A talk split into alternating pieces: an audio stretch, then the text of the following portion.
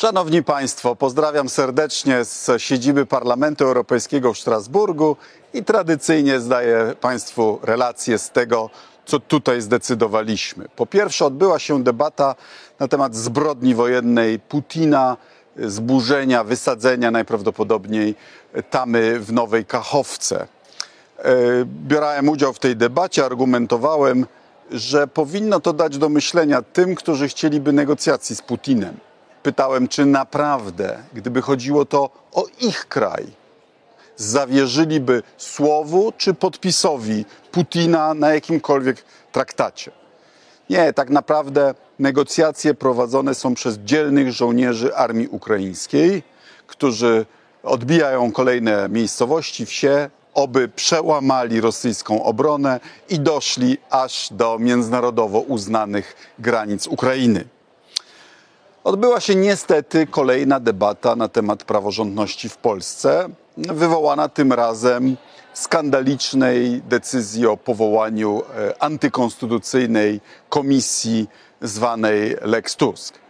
E, Państwu z PiSu może się wydawać, że można oszukać, omamić retoryką, y, zamulić obraz tego, co się w Polsce dzieje, a prezentacja komisarza Reindersa pokazała, że Komisja Europejska wie dokładnie, co do przecinka, co ta komisja oznacza, co chce osiągnąć i jakimi plugawymi metodami e, chce do tego doprowadzić.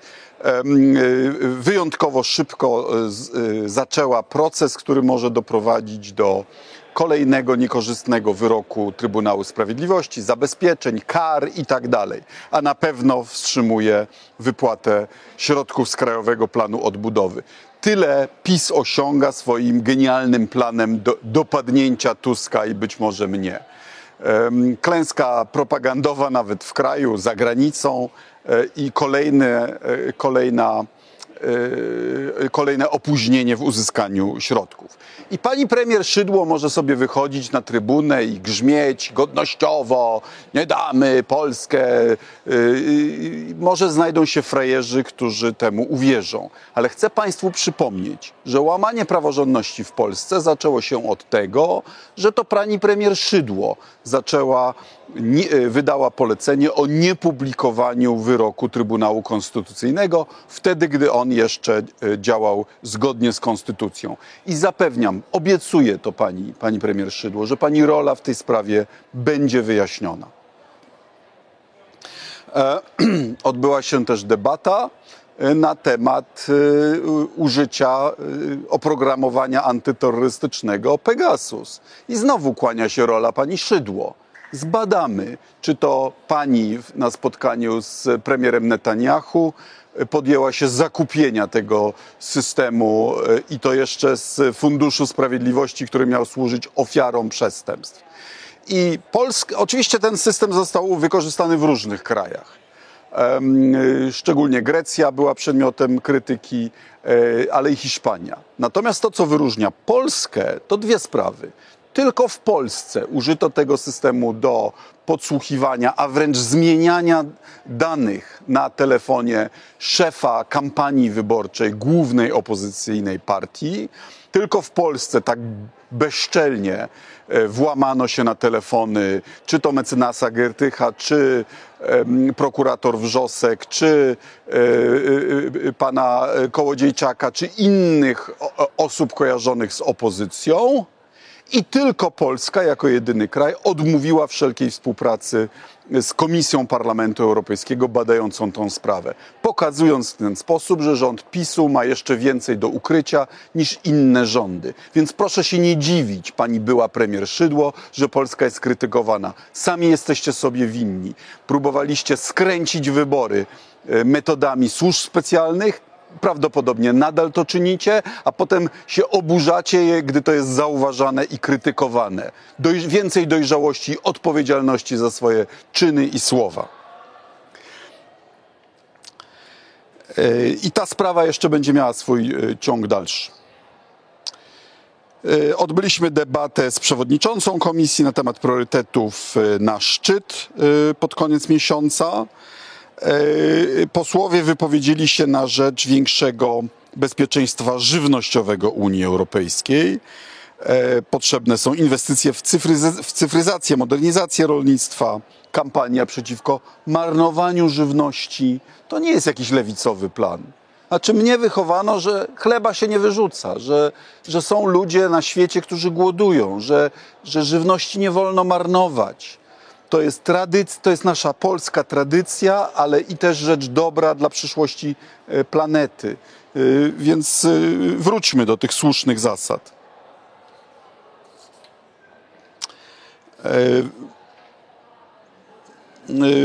Wymagamy też, aby przemysł wprowadził wyższe standardy, jeśli chodzi o baterie.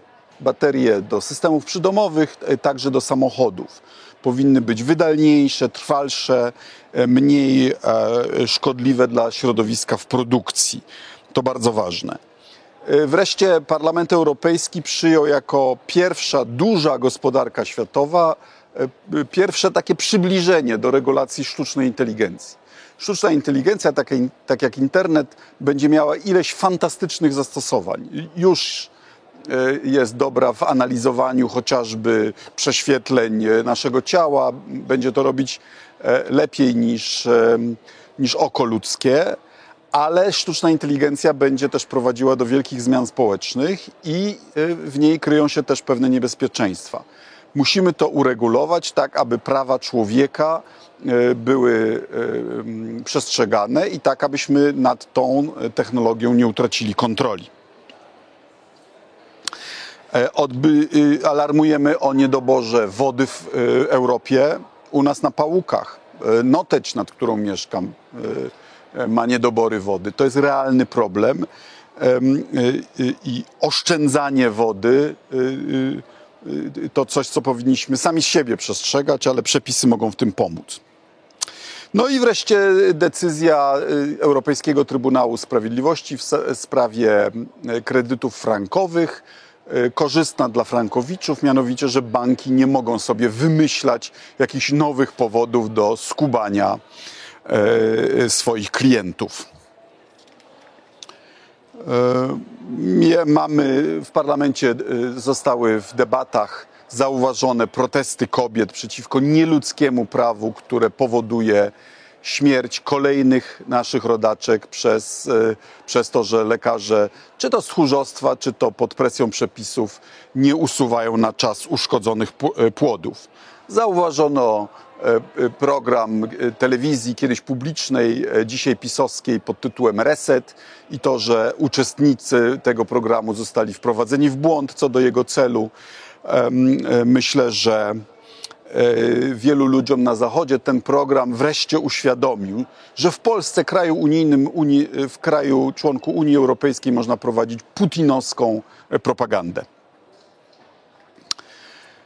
E, I na koniec powiem e, coś też e, ważnego dla nas, e, bo walcząca Ukraina e, ma już perspektywę członkostwa, ale jako parlament wezwaliśmy do otwarcia negocjacji akcesyjnych z Ukrainą jeszcze w tym roku i do tego, aby przyspieszyć e, proces e, wprowadzania Ukrainy do zachodnich struktur bezpieczeństwa, aby Ukraina stała się w perspektywie członkiem NATO, a w międzyczasie, aby otrzymała silne gwarancje bezpieczeństwa. Tyle na dziś. Dziękuję za uwagę. Do zobaczenia w lipcu.